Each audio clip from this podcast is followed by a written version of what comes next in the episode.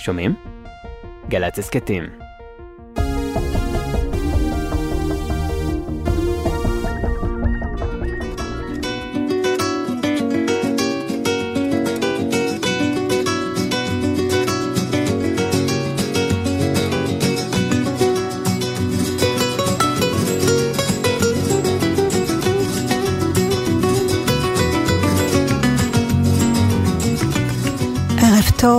ושבת שלום. אני רוני פנטנש מלכאי, פעילה חברתית, עורכת דין ואשת תקשורת. אהיה איתכם ואיתכן בשעה הקרובה שבה נדבר על נושאים מגוונים שהעסיקו אותי במהלך השבוע האחרון, מאקטואליה ועד דלתות ורודות בסקוטלנד. רגע לפני שהשבת נכנסת ומביאה איתה קצת מנוחה ושקט.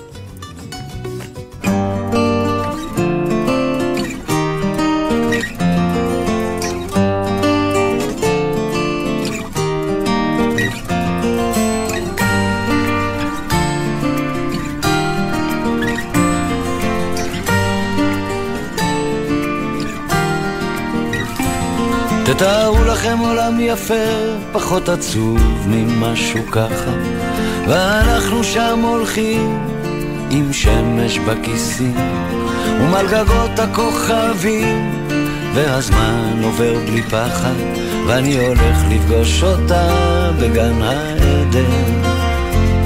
תתארו לכם קצת אושר, כי הוא כל כך, כל כך נדיר כאן, עיר מגניבה בתוך החושך. ושנינו בשמיכה והיא מלטפת אותי ואומרת לי מחר יקרה מה שרצית.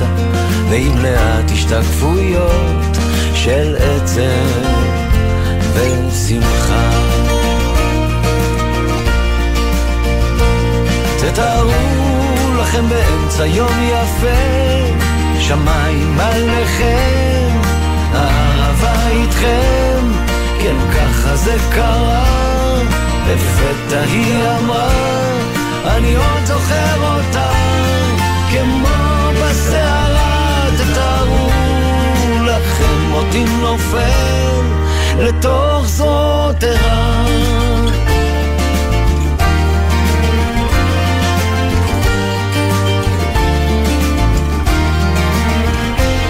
תתארו לכם עולם פשוט, חדר ללילה, בית בגשם, ריחות עצים מלאים בתות, ושנינו שיכורים. אם ניפרד אני אמות, היא לוחשת וגועשת, תתארו לכם עוד הזדמנות לחזור פתאום לנעורים.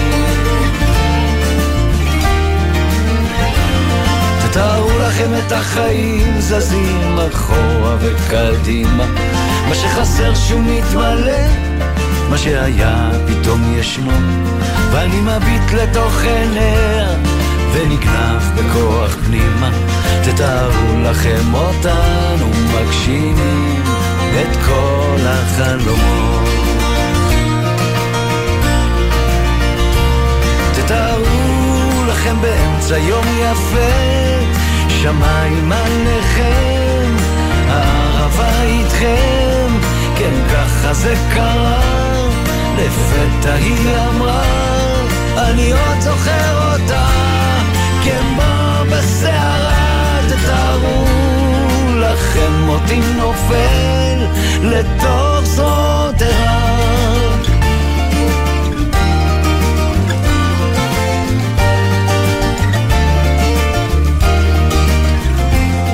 תתארו לכם עולם יפה, פחות עצוב ממשהו ככה, ואנחנו שם הולכים עם שמש בכיסים. תתארו לכם עולם יפה, עיר בתוך החושך, עולם פשוט, תתארו לכם קצת אושר. השבוע הרגשתי את החום המתגבר ואת הטמפרטורות בחוץ שהגיעו לשיאים. וחשבתי על מיזם שכנות טובה, שמחבר בין שכנים ומקדם את הקהילתיות. והדרכים לשכנות טובה הן רבות. אפשר להתחיל בשיחת מה נשמע. משקה צונן או קרטיב, מאוורר או סתם הזמנה לביקור במרחב הממוזג. יחד צולחים את גל החום. כך מוצג המיזם המקסים הזה של השירות לעבודה קהילתית במשרד הרווחה והביטחון החברתי. המיזם הזה גם מבקש לפתוח מנהיגות שכונתית המקדמת תשתיות קהילתיות גם בשגרה וגם בזמן חירום. אז מאזינים יקרים, כשבחוץ הטמפרטורות מתגברות והחום עולה ועולה ומגיע לשיאים חדשים, אפשר לעצור לרגע ולבדוק מה עם האנשים סביבנו. האם לא חם להם מדי? האם יש להם מספיק שתייה קרה? כולנו יכולים לעשות את זה. ובמיוחד, במיוחד לבדוק את האוכלוסיות שיכולות להיפגע הכי הרבה מגל החום, כמו קשישים וילדים. אז תשימו לב ואל תרגישו לא נעים לשאול את השכן מה שלמה, לבדוק שלשכנה הערירית בדלת ליד לא חסר דבר. אל תשאירו אף אחד לבד. שכנות טובה. כמו פעם, אתם זוכרים כשהיינו ילדים והדלתות היו פתוחות לרווחה והשכנות היו אפילו צועקות אחת לשנייה מהחלון וילדים היו נכנסים ויוצאים מבתים. שכנות כזו של ביחד, שנעלמה קצת מחיי היומיום שלנו. אפשר לנסות להחזיר אותה אפילו קצת.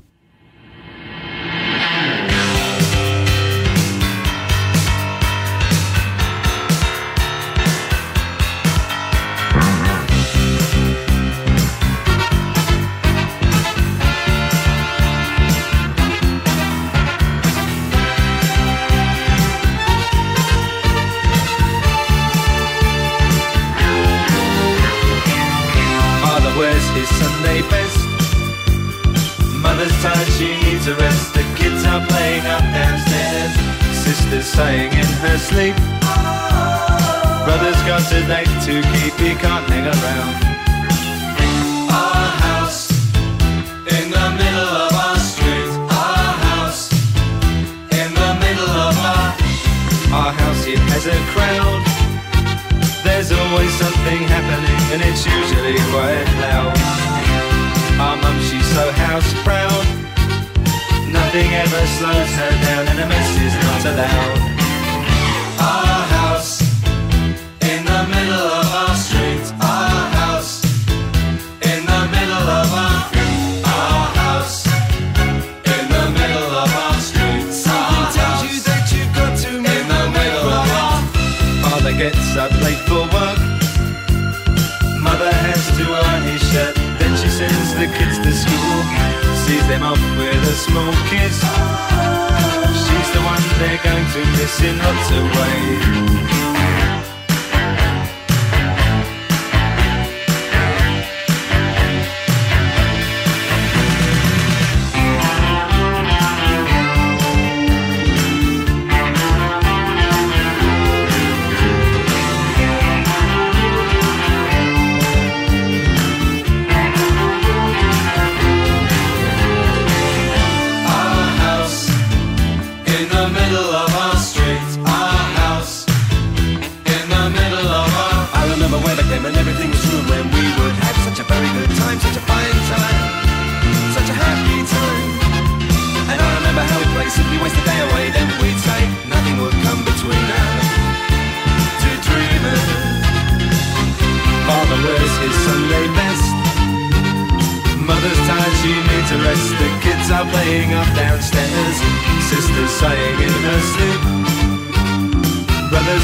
night to keep me can't hang around.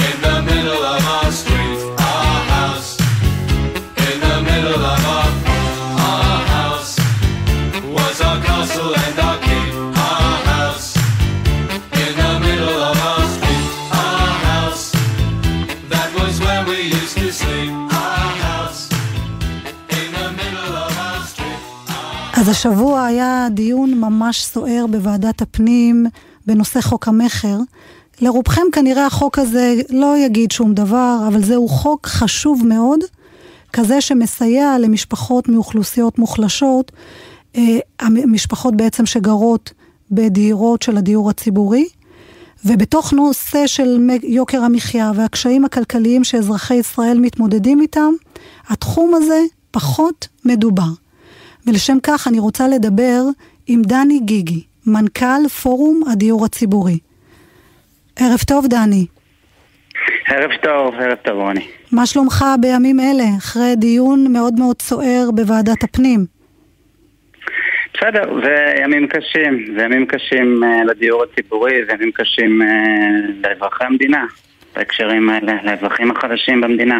למה זה ימים קשים? אה, תראי, קודם כל, מצבו של הדיור הציבורי נמצא ממש במצב של uh, חיסול. Uh, כבר יותר משני עשורים יש, יש מצב של חיסול כל מלאי הדיור הציבורי. Uh, המדינה לא רוכשת דירות, אתמול פורסם ששוב, יושב כסף, מחכה לו בקופת המדינה, היה אמור לעבור לרכישת דירות והוא לא מועבר. יש תור של ממתינים לדיור ציבורי, מעל 30 אלף משפחות. 6,500 ניצולי שואה, אה, משפחות חד-הוריות, אה, ילדים, אה, אנשים עם מוגבלויות, יושבים ומחכים כבר שנים כדי לקבל את מה שהמדינה הבטיחה להם, את מה שהמדינה מחויבת להם, קורת גג, הוגנת. אז דני, למי ו... שלא מבין בכלל מה זה דיור ציבורי, מה זה המושג הזה, נשמח שתסביר אותו באמת בשני משפטים קצרים. דיור ציבורי זה בעצם אה, דיור בשכירות מפוקחת על ידי המדינה, זה דיור שהמדינה מחזיקה אותו ומנהלת אותו על מנת לאפשר לאוכלוסיות מוחלשות אה, לקבל קורת גג, להבטיח שתהיה להם קורת גג יציבה. אה, מדובר בארץ בכ-48 אלף דירות כרגע של דיור ציבורי, שזה קצת פחות מ-2%, אה, כשבאירופה אנחנו מדברים על משהו כמו 12%. אה, בעולם, אגב, דיור ציבורי המושג קצת שונה, הוא משמש גם פתרון למעמד הביניים ולעוד אוכלוסיות, וזאת גם השאיפה שלנו כפורום הדיור הציבורי, להגיע למצב שבו דיור ציבורי ניתן כמענה לאוכלוסיות אה, רבות בחברה הישראלית. למרבה הצער, זאת לא המציאות פה כרגע. אבל מה, מה בעצם קרה לחוק הדיור הציבורי, שכן אה, היה חוק כזה שאפשר למשפחות לרכוש את הדירות של, שהם גרו בהן בדיור הציבורי במשך עשרות שנים ושילמו שכירות, צריך להגיד, מה קרה לחוק הזה? תראה, החוק הזה הוא חוק סופר חשוב, זה חוק היחידי בעצם שנועד לאפשר למשפחות מעוטות יכולת, אה, בכלל לתת להם סיכוי ותקווה שיהיה להם איזשהו נכס בחיים שלהם. אה, זה חוק שחוקק אותו רן כהן בשנת 1998 ומאז המדינה, או בעיקר משרד האוצר וכוחות שפועלים, אה, כוחות ליברטיסטניים שפועלים בפוליטיקה הישראלית מנסים לחסל את החוק הזה בכוח.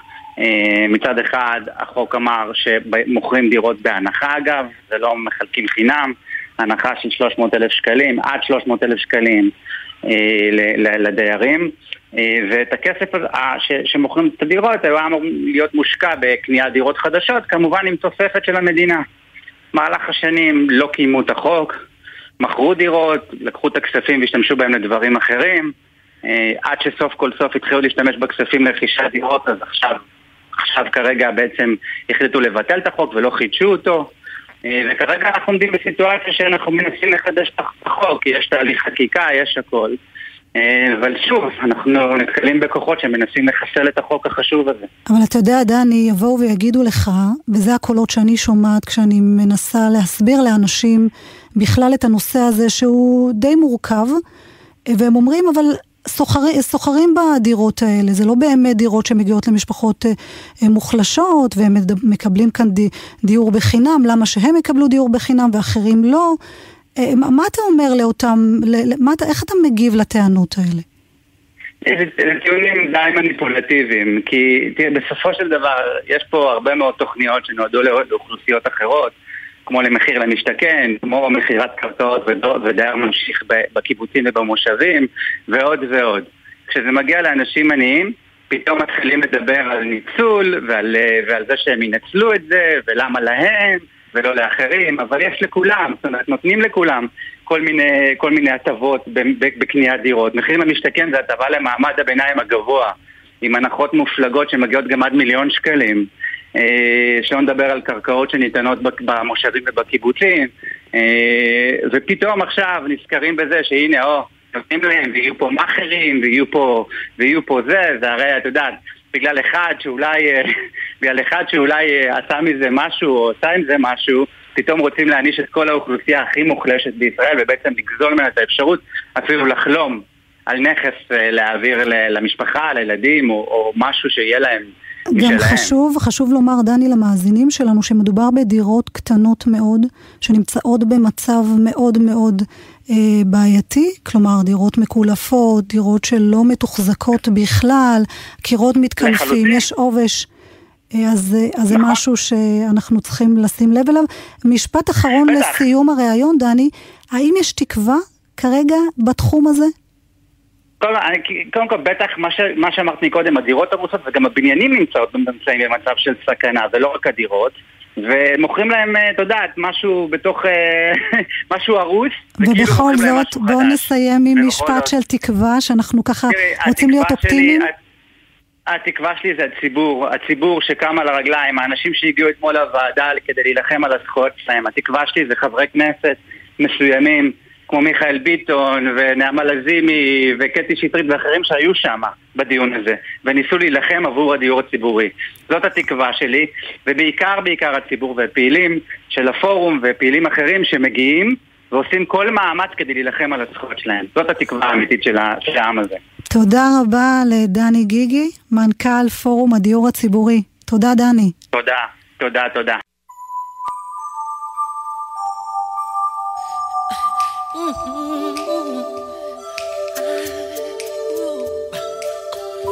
Gonna make a change for once in my life.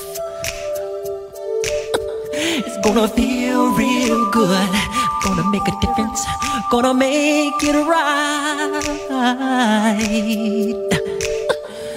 As I turn up the collar on my favorite winter coat, this wind is blowing my mind. I see the kids in the street but not enough to eat.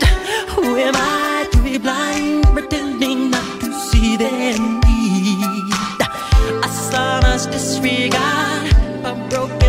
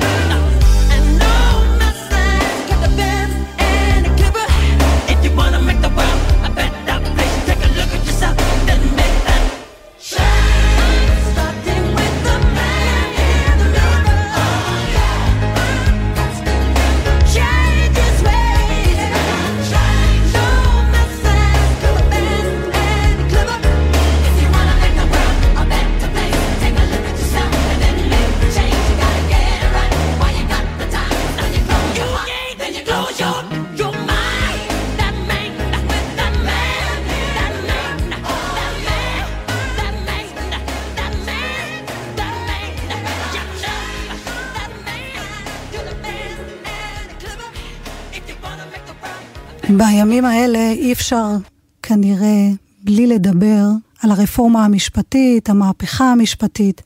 יש בעצם הרבה רעש סביב הרפורמה המשפטית, ומי שמקדם אותה טוען בעצם שהיא מחויבת המציאות. גם המתנגדים שלה חושבים שהיא מחויבת המציאות וצריך לעשות תיקונים במערכת המשפט. הבעיה עם הרפורמה שהיא לא באמת מתקנת את מה שדרוש לתקן. יש בעיות מאוד קשות במערכת המשפט, כמו עומס על מערכת המשפט, שהוא לא מטופל במסגרת הרפורמה המשפטית, והמובילים שלה, יריב לוין, שר המשפטים, ושמחה רוטמן, יושב ראש ועדת החוקה, צועקים באמת מעל כל במה אפשרית שחייבים חייבים רפורמה. הבעיה היא שהם מפספסים ובגדול. הם לא שמים דגש על הנושאים הבאמת חשובים שהרפורמה צריכה לתקן אותם, שחייבים תיקון בתוך מערכת המשפט. ובשביל זה אני רוצה לשוחח עם פרופסור קנט מן, שהוא פרופסור למשפטים באוניברסיטת תל אביב, ומתנדב בהנהלות של עמותות לסיוע משפטית. שלום, פרופסור מן. ערב טוב. ערב טוב. אתה עוסק אה, בסיוע אה, בנושאים משפטיים של אוכלוסיות מוחלשות הרבה הרבה מאוד שנים, גם הקמת את הסנגוריה הציבורית. אני רציתי לדבר איתך על מה הבעיות בעצם ברפורמה שמוצעת כיום. הרפורמה היום אה, מתמקדת בשינוי סמכויות לקחת נושאים ולהכריע בהם. זה לא הבעיה הכואבת והקשה של אה, מערכת המשפט. אז מה היא מפספסת? אה, אני, אני אתייחס לזה בתחום הפלילי, שזה התחום שבו אני עוסק שנים רבות ואני יודע אה, היטב מה שקורה שם. ושמת את הדגש נכון בדברי פתיחה שלך בנושא העומס. העומס היום הוא כל כך קשה שהוא בעצם משנה את אופן ניהול מערכת המשפט הפלילית בכך שהוא מביא שופטים אה, לגמור, לרחוץ על צדדים אה, בתיקים פליליים רבים, לסיים את התיקים מבלי שיתנהלו כל ההליכים שהם אלה שאמורים להוציא את האמת, האמת לאור בהליכים שיביאו להטלת עונשים ראויים הן מבחינת הציבור וכן מבחינת הנאשמים.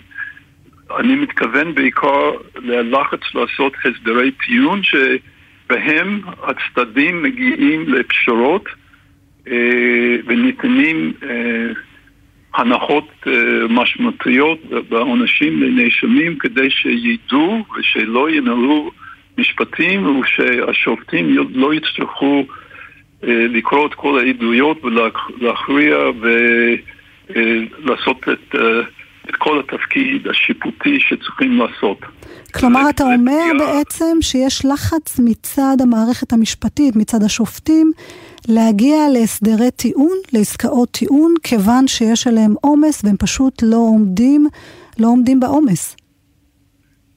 אכן נכון, אה, אה, אם נסתכל אה, ונבחון את זה דבר שעשיתי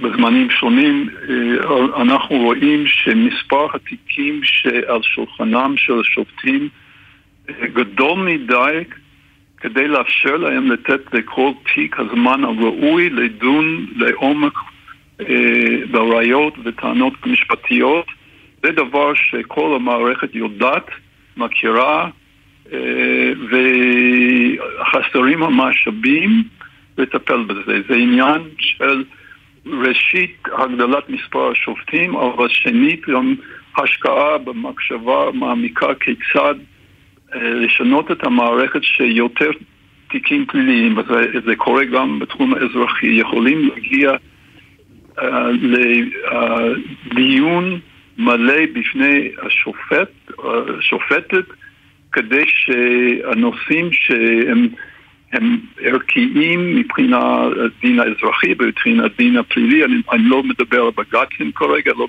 מדבר על משפט חוקתי, אני מדבר על המשפט שזה רוב המשפט של מדינת ישראל, שזה תיקים שמתנהלים בין המדינה לנאשמים ובין אזרחים לבין אזרחים בנושאים אזרחיים, ושם צריך להשקיע משאבים כדי שהשופטים יהיו מסוגלים מבלי לקצר אה, דרכים ומבלי אה, לוותר על הליכים שהם חשובים. אבל למה, למה בעצם זה חשוב? מדוע, מדוע אתה, אתה מתנגד בעצם ל, ל, לעסקאות טיעון כאלה? כיוון שלפעמים הנאשמים כן רוצים להגיע לעסקת טיעון ולא לגרור את המשפט הזה שנים. מה זה משפיע על החברה? כלומר, מה זה גורם בעצם לחברה? כן, כן, כן.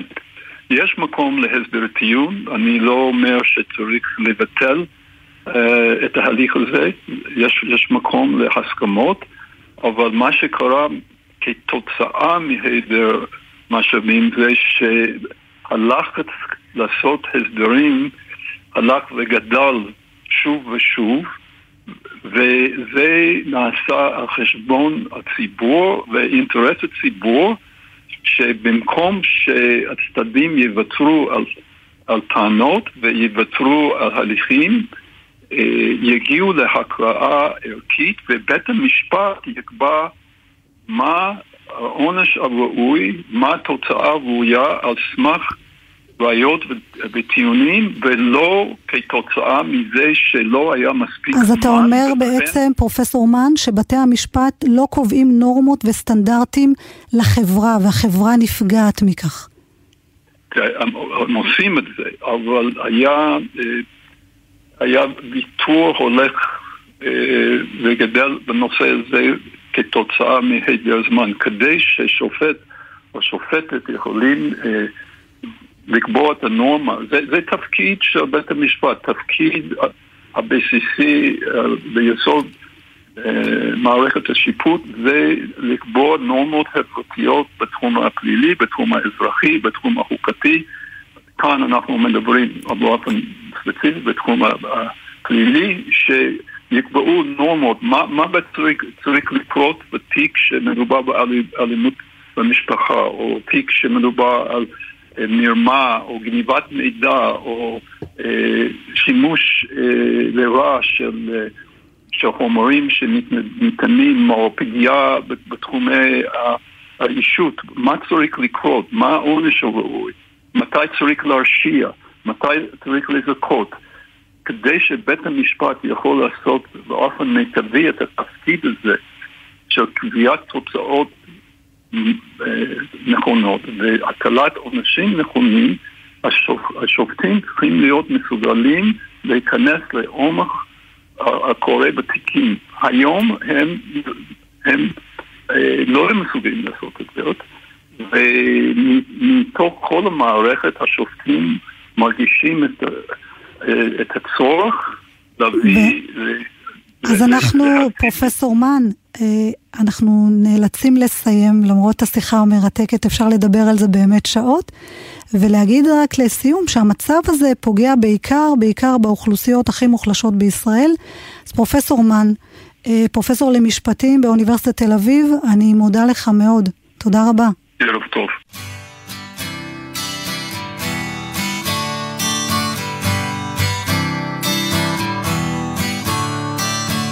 Don't you know we're talking about a revolution? It sounds whisper.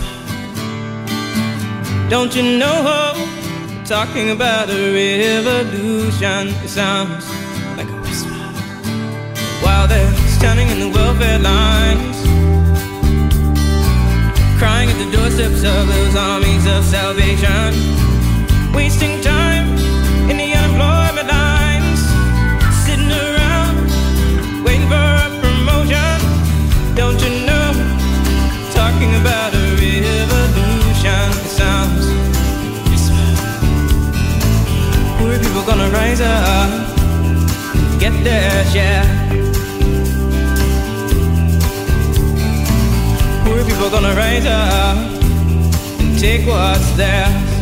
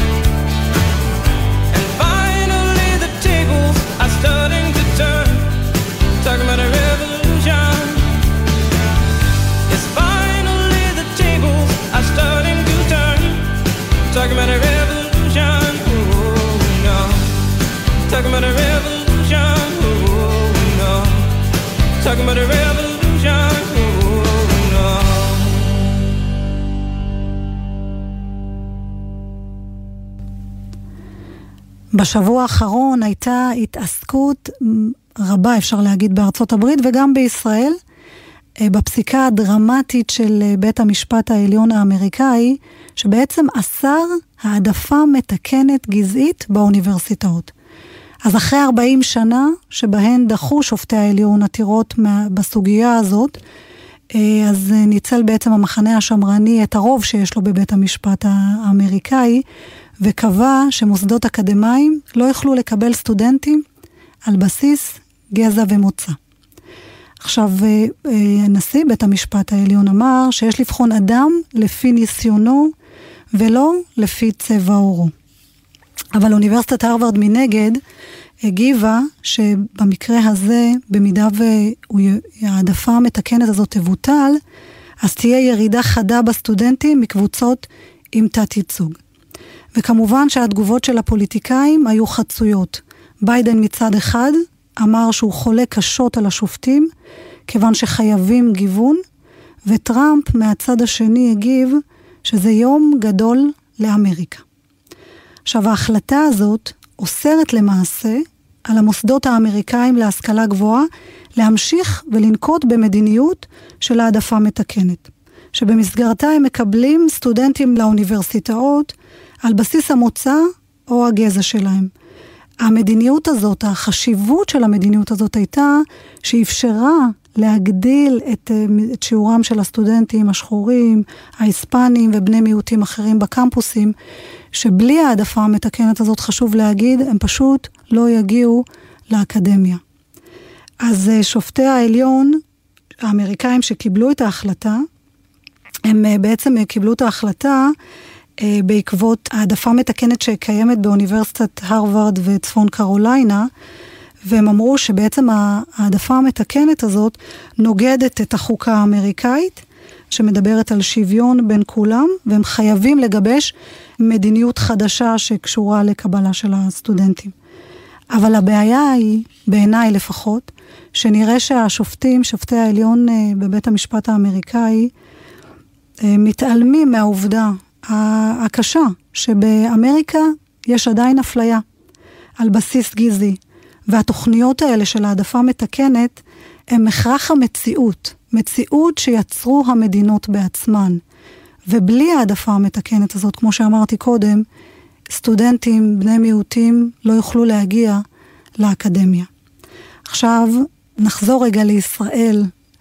אה, גם פה יש העדפה מתקנת באקדמיה, ואני כולי תקווה, באמת, אני אומרת את זה ככה עם, אה, בלב אה, כבד, אני מאוד מקווה שלא נחכה את ארצות הברית, את אמריקה בתחום הזה, כי בעיניי עיקרון השוויון הוא עיקרון יסוד במשפט הישראלי. אבל לא רק זה. העיקרון הזה לא מתמצה רק באיסור אפליה, אלא מטיל חובה לנקוט במקרה הצורך בפעולה אקטיבית להשגת שוויון מהותי. כי העדפה המתקנת היא לא חריג לעיקרון השוויון, אלא נגזרת הכרחית ממנו, ואחת הערובות המרכזיות להגשמתו. ואסור לנו לשכוח שאת הפערים החברתיים יצרו המדינות עצמן. יצרה גם מדינת ישראל פערים חברתיים בתוך המדינה, ולכן היא חייבת לתקן אותם. גם על ידי העדפה מתקנת.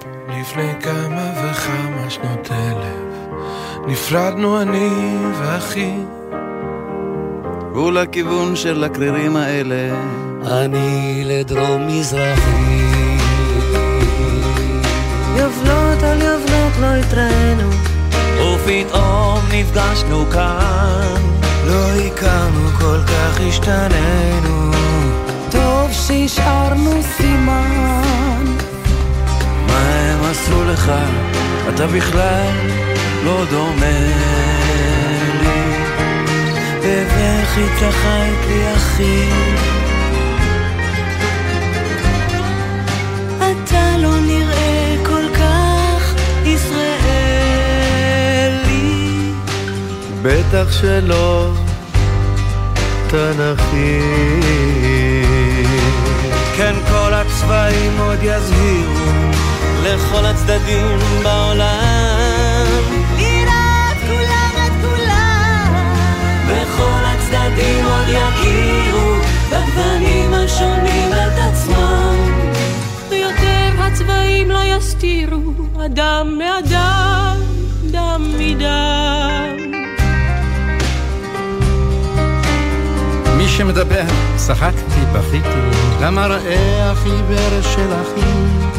למבטא המוזר שלו, ביטה ביטה, זה יותר תנכי. קטורת פסים שלי, כל פס בי נוגע. כל פס רוצה לקלף לי את האור. או פסים, פסים, פסים שלי, אני לא אשתגע. רק אתן לגוונים מעט אור.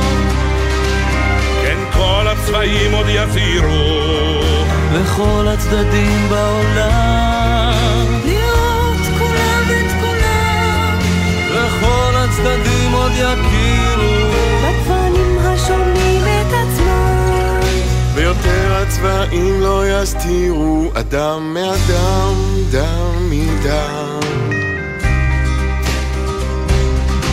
פולנים התנפלו על מרוקו, רוסים נכנסו בתימן מצרים חטפה מטורקו, שבדרך תקע את יוון. איך שביניהם הסתבכנו, כבר סופר אף כי לא יאומן. אבל למה את המלחמות הזרות שלהם משכנו? אחרי שהם שכחו אותן מזמן, מזמן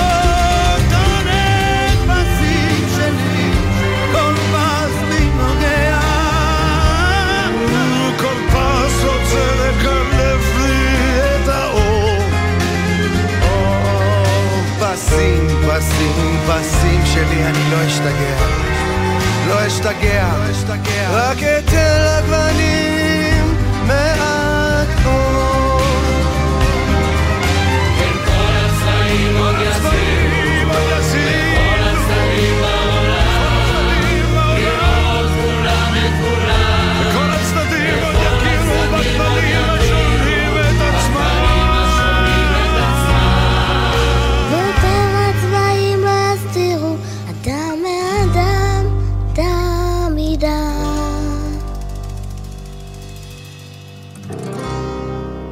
בשבועות האחרונים תופס תאוצה, טוב, לפחות ברשתות החברתיות, רעיון של היפרדות. יהודה מצד אחד וישראל מהצד השני. אה, נשמע קיצוני מדי, אבל יש מי שמקדם את הרעיון הזה. מי שמקדם את הרעיון חושב שיש כאן שתי אוכלוסיות שפשוט לא יכולות להתקיים אחת עם השנייה, ובשביל שנצליח אה, לשרוד כאן, אה, ההיפרדות היא קריטית. אז אה, נמצא איתנו על הקו ניצן עמית, מייסד תנועת ההיפרדות. ערב טוב ניצן. ערב טוב. אז מה התוכנית שלך בעצם מבקשת לקדם? אז תראי, כפי שאמרת, באמת אנחנו מקדמים מדינה אה, ישראלית ליברלית לצד מדינה, אה, מדינת יהודה, שהיא מדינה שמרנית דתית, בדיוק מאותן הסיבות שבאמת הפערים הערכיים בינינו ובין אה, הצד שתומך אה, בערכים האלה אה, מאוד מאוד גדולים, ופשוט כמו בבית אה, שבו יש שני בני זוג שפשוט לא מצליחים להסתדר, אה, אז הפתרון העדיף הרבה פעמים הוא להתגרש במקום להמשיך לחיות יחד ורק להחמיר את המצב ולצבור עוד ועוד משקעים עד שבסוף המצב מתפוצץ. אבל, אבל בכל זאת, זו, לא בעצם תוכנית קיצונית מדי? אתה יודע, בסוף אני חושבת באמת גם על ההורים שלי, ואני מניחה גם שלך, של כל מי שעלה כאן לארץ והגיע וייסד את המדינה הזאת מתחילתה והיום וכולי, מייסדי המדינה, ניצולי שואה, כל האנשים שעלו מכ, מכל העולם. אז למה עלינו לארץ? כלומר, אנחנו, ההורים שלי היו בסודאן, סבלו את המסע בסודאן, ובשביל מה? בשביל שנגיע לפה ונחשוב בכלל על היפרדות, זה רעיון שהוא נשמע כל כך קיצוני וכל כך נוגד בעצם את מה שאנחנו כיהודים מאמינים בו ורוצים בשביל מדינת ישראל. אז אני אענה לך. הדבר הראשון הוא שאנשים עלו לפה כדי להיות יהודים על פי דרכם. אף אחד, כשסבא רבא שלי הגיע לפה בעלייה השנייה, או אה, כשההורים של אה, סבתא שלי הגיעו לפה בעלייה החמישית, אה, לא אה, אמרו להם בוא תהיה יהודי אורתודוקסי או יהודי חרדי או אה, שהמדינה תתערב לך בחיים הפרטיים שלך. אלא הם עלו לפה כי הם היו יהודים בלאומם, הם היו חילונים שאומנם אה, הייתה להם מודעות למסורת היהודית וגם אני אגב ברמה אישית אני אה, אדם חילוני, אני לא מאמין אבל כן אה, יש פה אה, בסוף רצון לתת לכל יהודי לחיות על פי דרכו אה, תחת אה, באמת מדינה, שעוד פעם, ארץ ישראל היא תישאר יהודית, ו... אבל יהיו לנו חלק שהוא ליברלי וחלק שהוא שמרני דתי, כאשר כל אחד, לא משנה אגב אם הוא חובש כיפה או חרדי או חילוני לחלוטין, יוכל להחליט באיזה מהמדינות הוא גר. כי יש גם הרבה דתיים שיעדיפו לחיות במדינה הליברלית. ויכול להיות שיש, שיש הרבה אה, חילונים שדווקא יעדיפו לחיות במדינה שמרנית דתית, כאשר בסוף אני חושב שהציבור החילוני והמסורתי היטה ברובו אה, באמת לכיוון של מדינה ליברלית, והציבור היותר דתי-לאומי החרדי ייתה למדינת יהודה. זה בעצם הרעיון. אנחנו לא מגרשים פה אף אחד. ובתוך, ניצן, בתוך התוכנית שלכם, איך, איך, איך אתם חושבים לבצע את זה בפועל? איך מפרידים בפועל בין שתי קבוצות? אז מצוין. בתוך מדינה כל... קטנה שכולנו חיים אחד יחד עם השני, איך אתם חושבים להפריד בפועל? שאלה מצוינת. אז תראי, קודם כל יש לנו כבר מקרים היסטוריים לפיצול. הדוגמה שאני הכי אוהב לתת היא צ'כוסלובקיה, אה, מדינה שהוקמה לאחר מלחמת העולם הראשונה. ופוצלה בשנות התשעים לצ'כיה ולסלובקיה, כאשר עוד פעם, אה, תמיד אומרים הייתה הפרדה גיאוגרפית, אבל ההפרדה הגיאוגרפית הזו בעצם קדמו תהליכים של אה, בהתחלה יותר מתן חופש לרשויות המקומיות ומעבר לאיזושהי פדרציה, כאשר קובעים איזשהם כבר גבולות מוקדמים, אוקיי? אה, בעצם התהליך הוא לא תהליך של מחר אנחנו רוצים להתפצל לישראל ויהודה, אלא תהליך הדרגתי שבו לאט לאט בהתחלה אה, יהיה יותר סמכויות לרשויות המקומיות ואחר כך באמת אולי איזשהם מחוזות או קנטונים שיהיו יותר עצמאיים עם אוטונומיה בסופו של דבר באמת היפרדות לשתי מדינות נפרדות כאשר כל אחד חי על פי ערכיו. אה, השלב, הדבר הזה הוא בעצם השלב הסופי של תהליך שבו אנחנו נחליט שאי אפשר לחיות פה, המצב הוא כבר עכשיו קיצוני, ולכן הפתרון הוא פתרון שאומנם נראה עכשיו קיצוני, אבל אני מזכיר אגב שהרצל, כשהוא הציע להעביר מיליוני יהודים מאירופה לישראל, גם אליו התייחסו כקיצוני. בסוף אנחנו מציעים פה פתרון שלטווח הארוך ישמר את היכולת של אה, מדינת ישראל, או בכלל הנוכחות הישראלית והיהודית פה בישראל, להמשיך. כי כרגע האלטרנטיבה היא לא להישאר ביחד והכל יהיה טוב. ולמה בעצם, ניצן, למה בעצם לא להילחם בתוך המדינה על, על אחדות? על, רגע, על אחדות רק, ועל לתקן רק... את, את מה שקורה. אז זה בדיוק מה שאני אומר, האלטרנטיבה היא לא אחדות ונתקן מה שקורה. כי ראינו כבר איך זה עובד הדבר הזה של הניסיונות, זה, זה כביכול אחדות, זה לא אחדות אמיתית. מה שקורה זה שאם אנחנו נשאר מאוחדים, אנחנו בדרך לאסון כלכלי, לאסון חברתי, אנחנו לא נוכל לחיות פה אחד לצד השני, כבר רואים את הדברים האלה היום. רואים את השנאה בין חלקים שלמים באוכלוסייה, שכל אחד יש לו טינה כלפי הצד השני, על דברים שמבחינתו הם הכי מוצדקים בעולם. אם זה חילונים שמרגישים שהחרדים והדתיים אה, אה, עושקים אותם כלכלית, ואם זה החרדים והדתיים שמרגישים שהחילונים אה, אה, מנתקים, מנסים לנתק אותם מהמסורת ומהדת. כל אחד בעצם הוא אה, אה, יוכל לחיות, עוד פעם אני אומר, לפי אמונתו. אנחנו לא מסוגלים ל- ל- אה, לשמור על אחדות בינינו, כי הפערים הערכיים הם כל כך גדולים. אני אתן דוגמה, כן? זה כמו... דוגמה קצרה, אנחנו אדם. צריכים כן. לסיים, ניצן.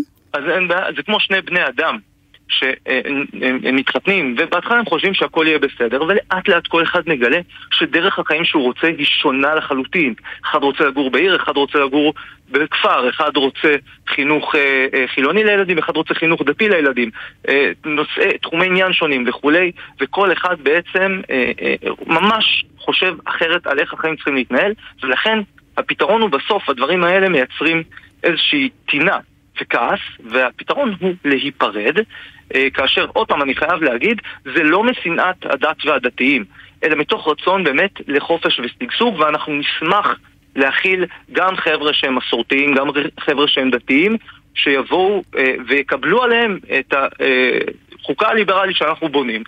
ויחיו לצידנו, אבל מי שרוצה חוקה שמרנית ודתית שבה המדינה מתערבת בדת, יוכל לחיות ביהודה ואנחנו לא נתערב לו. אה, אז תרשה לי. ניצן, אה, לחלוק עליך. גם ההשוואה שעשית עם, ה... עם הזוג הנשוי היא, היא פחות רלוונטית בעיניי, כי בסוף, בסוף, בסוף, לא כקלישאה.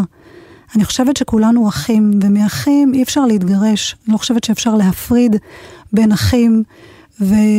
ואני חושבת שצריך לקדם את רעיון של אחדות, בעיניי לפחות. אני. מכבדת את דעתך בהחלט, ואנחנו נאלצים לסיים כאן, ניצן. אני ממש מודה לך. שאלה אחרונה. כן, שאלה אחרונה. יש לך משפחה בחו"ל?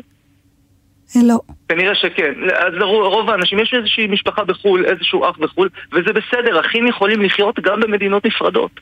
לי יש דודים שגרים בחו"ל, זה בסדר.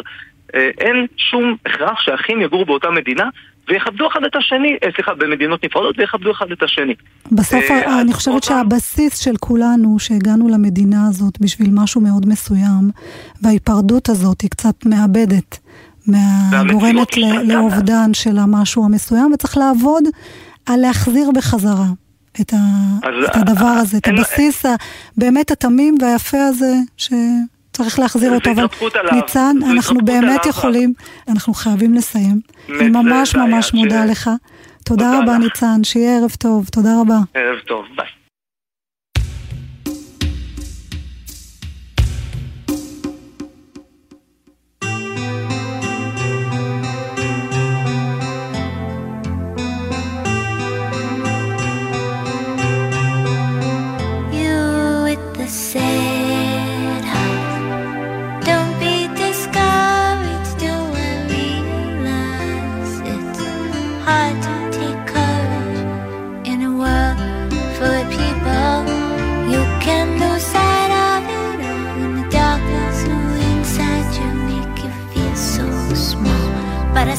멈춰줘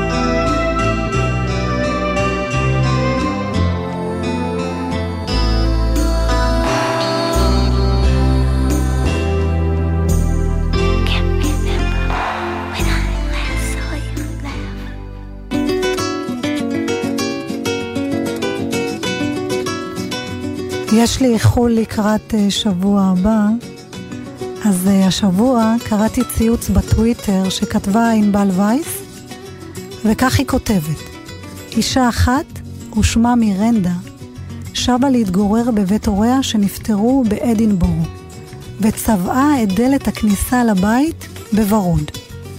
לא עברו יומיים, והיא קיבלה קנס מאגף הפיקוח של העירייה על סך 20 אלף פאונד, מכיוון שהצבע לא תואם את ההנחיות המרחביות לשכונה.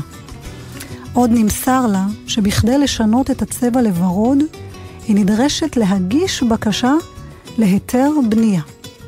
אז היא הגישה, וההיתר נדחה, והאישה מירנדה צבעה את הדלת בירוק.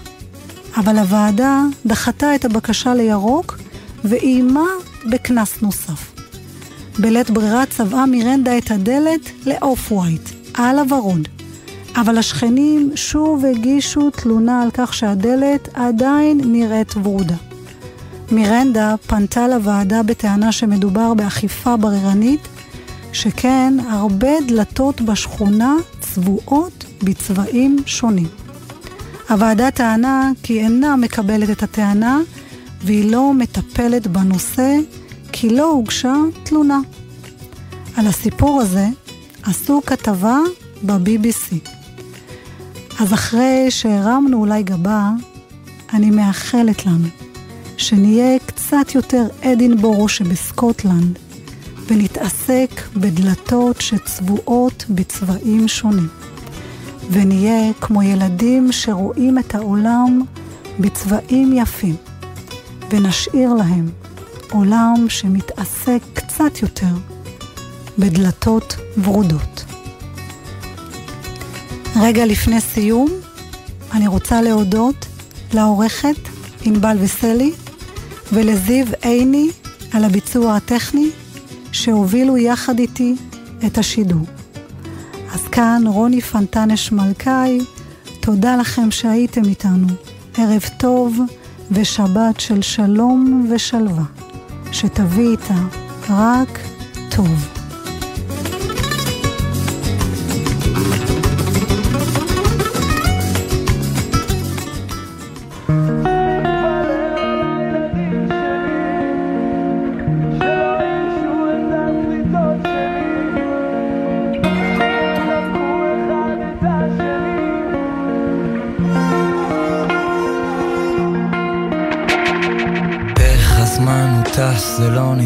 שאני אבא מקיץ מן הילדות אל המציאות שאני חי בה. זוכר איך אחרי שלושה נגמר האוויר. אמרתי חכי, אמרת לי תראה, הם קצת יגדלו ותבין. פתאום הם שישה, עוד רגע שבעה וכמה שהם מדהימים אבל הלחץ גדל, בנה לו מגדל, הלב יש רק שני חדרים והמצפון עובד גם שבתות וחגים. אתם השנה כבר שנים, אני עוד שבוי בפחדים של... אני לא אספיק להגיע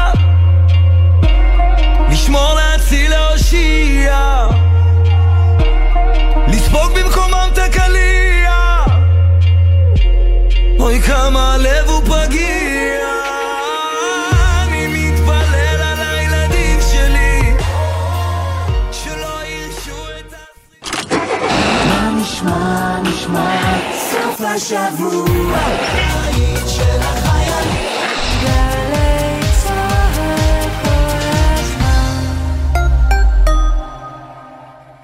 כשהחופש הגדול מגיע, מגיעים איתו מכל עבר קולות ה... אתם באים? כי כשהחופש הגדול מגיע, הם יכולים להגיע מכל מקום, ואתם, הנהגים, חייבים להיות ערניים. בתוך העיר מורידים את הרגל מהגז, נותנים זכות קדימה להולכי הרגל, ולא נותנים לשום ילד להפתיע אתכם. לפעילויות על בטיחות בדרכים לילדים ולכללי בטיחות נוספים לימי הקיץ, בקרו באתר הרלב"ד.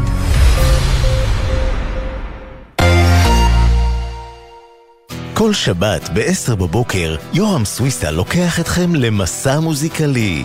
והשבוע, מסע עם יוני רואה. היום הכל הפך להיות לא מעמיק כל כך בלשון המעטה, המון המון צבעוניות, המון המון להיות מפורסם. מבחינת איזונים הייתי מצפה שיהיה בלנס יותר נכון בין העומק לשטחי. מסע עם יורם סוויסה, מחר עשר בבוקר, ובכל זמן שתרצו, באתר וביישומון גלי צה"ל.